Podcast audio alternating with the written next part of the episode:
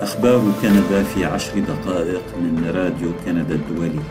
معكم فادي الهاروني وأهلا بكم في حلقة البودكاست الأسبوعية وإليكم العناوين. سفيرة جديدة لكندا في الصين لملء منصب شاغر منذ تسعة أشهر.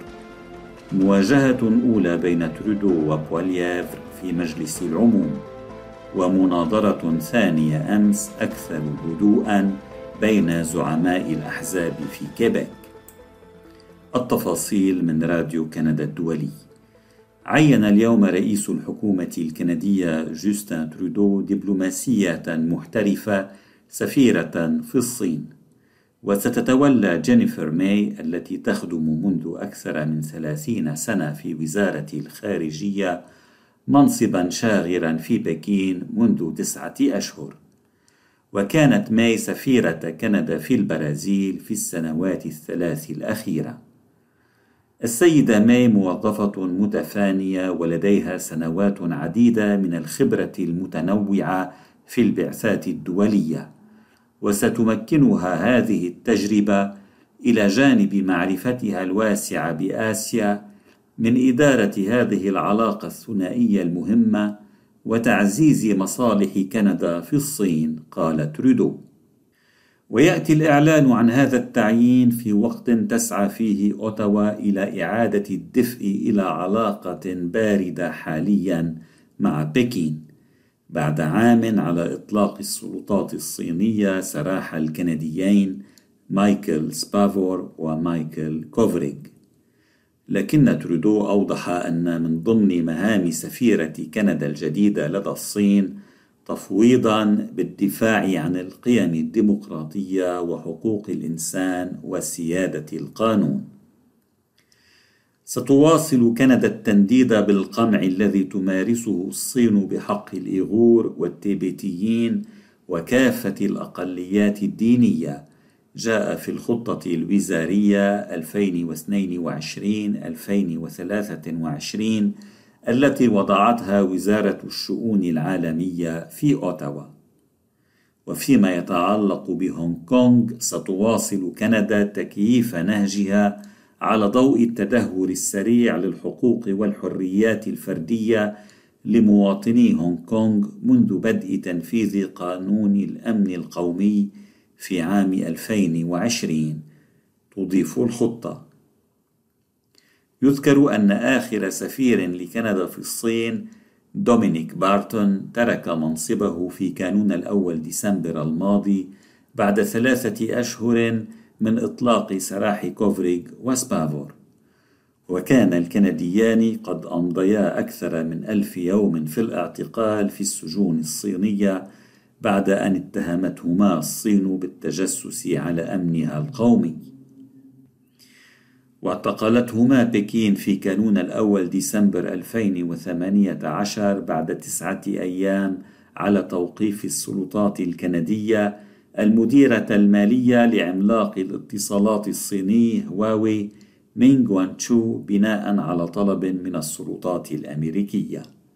وأطلقت الصين سراحهما بعيد مغادرة مينغ تشو كندا حيث كانت تخضع للإقامة الجبرية. يمكنك الاشتراك في أخبار كندا باستخدام التطبيق الذي تختاره أو عن طريق زيارة موقعنا على الإنترنت radio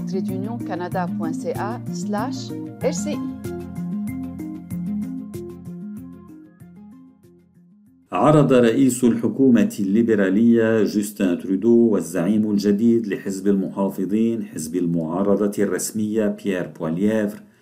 عرضا وجهات نظر مختلفة حول أفضل السبل لمكافحة ارتفاع تكلفة المعيشة وذلك خلال فترة الأسئلة في مجلس العموم يوم الخميس.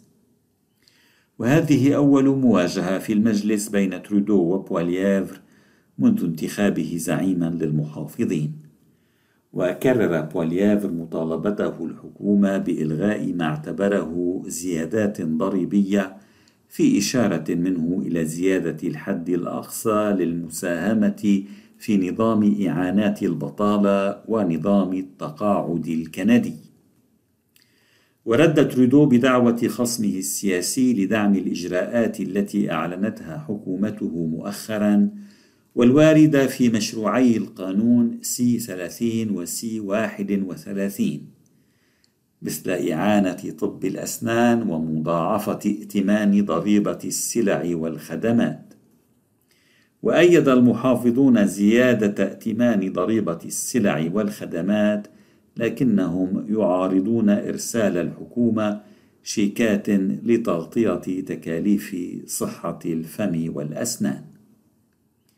لكن على الرغم من رؤيتي ترودو وبولييفر المتعارضتين لم تكن نبرة هذا النقاش الأول بين الزعيمين في مجلس العموم حادة بشكل لافت. أنت تستمع إلى البودكاست الأسبوعي من راديو كندا الدولي. جرت مساء أمس المناظرة التلفزيونية الثانية والأخيرة بين زعماء الأحزاب الرئيسية الخمسة المتنافسة في الحملة الانتخابية الحالية في مقاطعة كيبيك ونظمها تلفزيون راديو كندا. منذ بداية المناظرة التي دامت ساعتين استهدف زعيم حزب التحالف من أجل مستقبل كيبيك رئيس الحكومة الخارجة فرانسوا لوغو استهدف بشكل رئيسي الزعيم المشارك لحزب التضامن الكيبيكي اليساري جابرييل نادو دوبوا فانتقده لأنه يريد فرض ضرائب على سيارات المينيفان العائلية واتهمه بأنه يرغب في تراجع بعض الصناعات وفي حرمان الكيبيكيين من مساهمات العيادات الجراحية الخاصة لأسباب أيديولوجية. وتعمد لوغو إثارة الشكوك حول العواقب التي قد تترتب على تنفيذ المقترحات الواردة في البرنامج الانتخابي لحزب التضامن بالنسبة للمواطنين. وردا على هذه الانتقادات اتهم نادو دوبوا رئيس الحكومة الخارجة بنشر معلومات مضللة وقيادة حملة تخويف. وبشكل عام كان نادو دوبوا أمس أقل تألقا مما كان عليه في المناظرة التلفزيونية الأولى قبل أسبوع وبدأ أقل قتالية. أما لوغو فكان أداؤه أمس أفضل من أدائه في المناظرة الأولى وبدأ أكثر ابتساما وهدوءا وكان قادرا على شرح خطته لمساعدة الكيبيكيين على مواجهة أزمة تضخم الأسعار بشكل أفضل. أداء زعيمة الحزب الليبرالي الكيبيكي دومينيك أنجلاد هي الأخرى كان أمس أفضل بكثير من أدائها في المناظرة الأولى.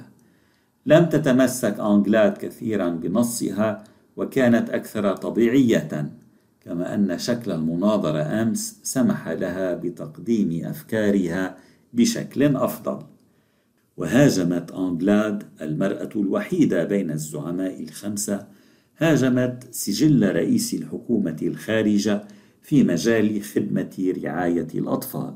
فقالت إن النقص في الأماكن في دور الحضانة كان له عواقب على الأسر وبالأخص على الأمهات الشابات. زعيم الحزب الكيبيكي الاستقلالي بول سان بيير بلاموندون ميز نفسه عن خصومه أمس أيضا بنبرته الهادئة. متصلبا كعادته في موضوع حماية اللغة الفرنسية سلط سان بيير بلاموندون الضوء على عجز فرانسوا لوغو عن تحقيق مكاسب لدى الحكومة الفيدرالية حتى أنه ذهب إلى حد مقارنته برئيسي حكومة كيبيك السابقين الليبراليين جان شاريه وفيليب كويار وفيما يتعلق بموضوع جائحة كوفيد-19 هاجم لوغو كما في المناظرة الأولى زعيم حزب المحافظين الكيبيكي إريك دوهام على خلفية معارضته الإجراءات التقييدية الصارمة التي فرضتها الحكومة للحد من انتشار الجائحة. فوصفه بالمحرض ووضعه في موقف دفاعي عندما سأله عن عدد كبار السن الذين كان مستعدا للتضحية بهم من أجل تخفيف القيود الصحية. ورد دهام على رئيس الحكومة الخارجة متهما إياه بأنه من خلال القيود الصحية الصارمة تصرف بشكل غير مسؤول مع أطفال كيبيك ويتوجه ناخبو كيبيك إلى صناديق الاقتراع في الثالث من تشرين الأول أكتوبر لاختيار نوابهم ويمكن الاقتراع مسبقا يومي الأحد والاثنين المقبلين. حلقة البودكاست لهذا الأسبوع انتهت. شكرا لإصغائكم.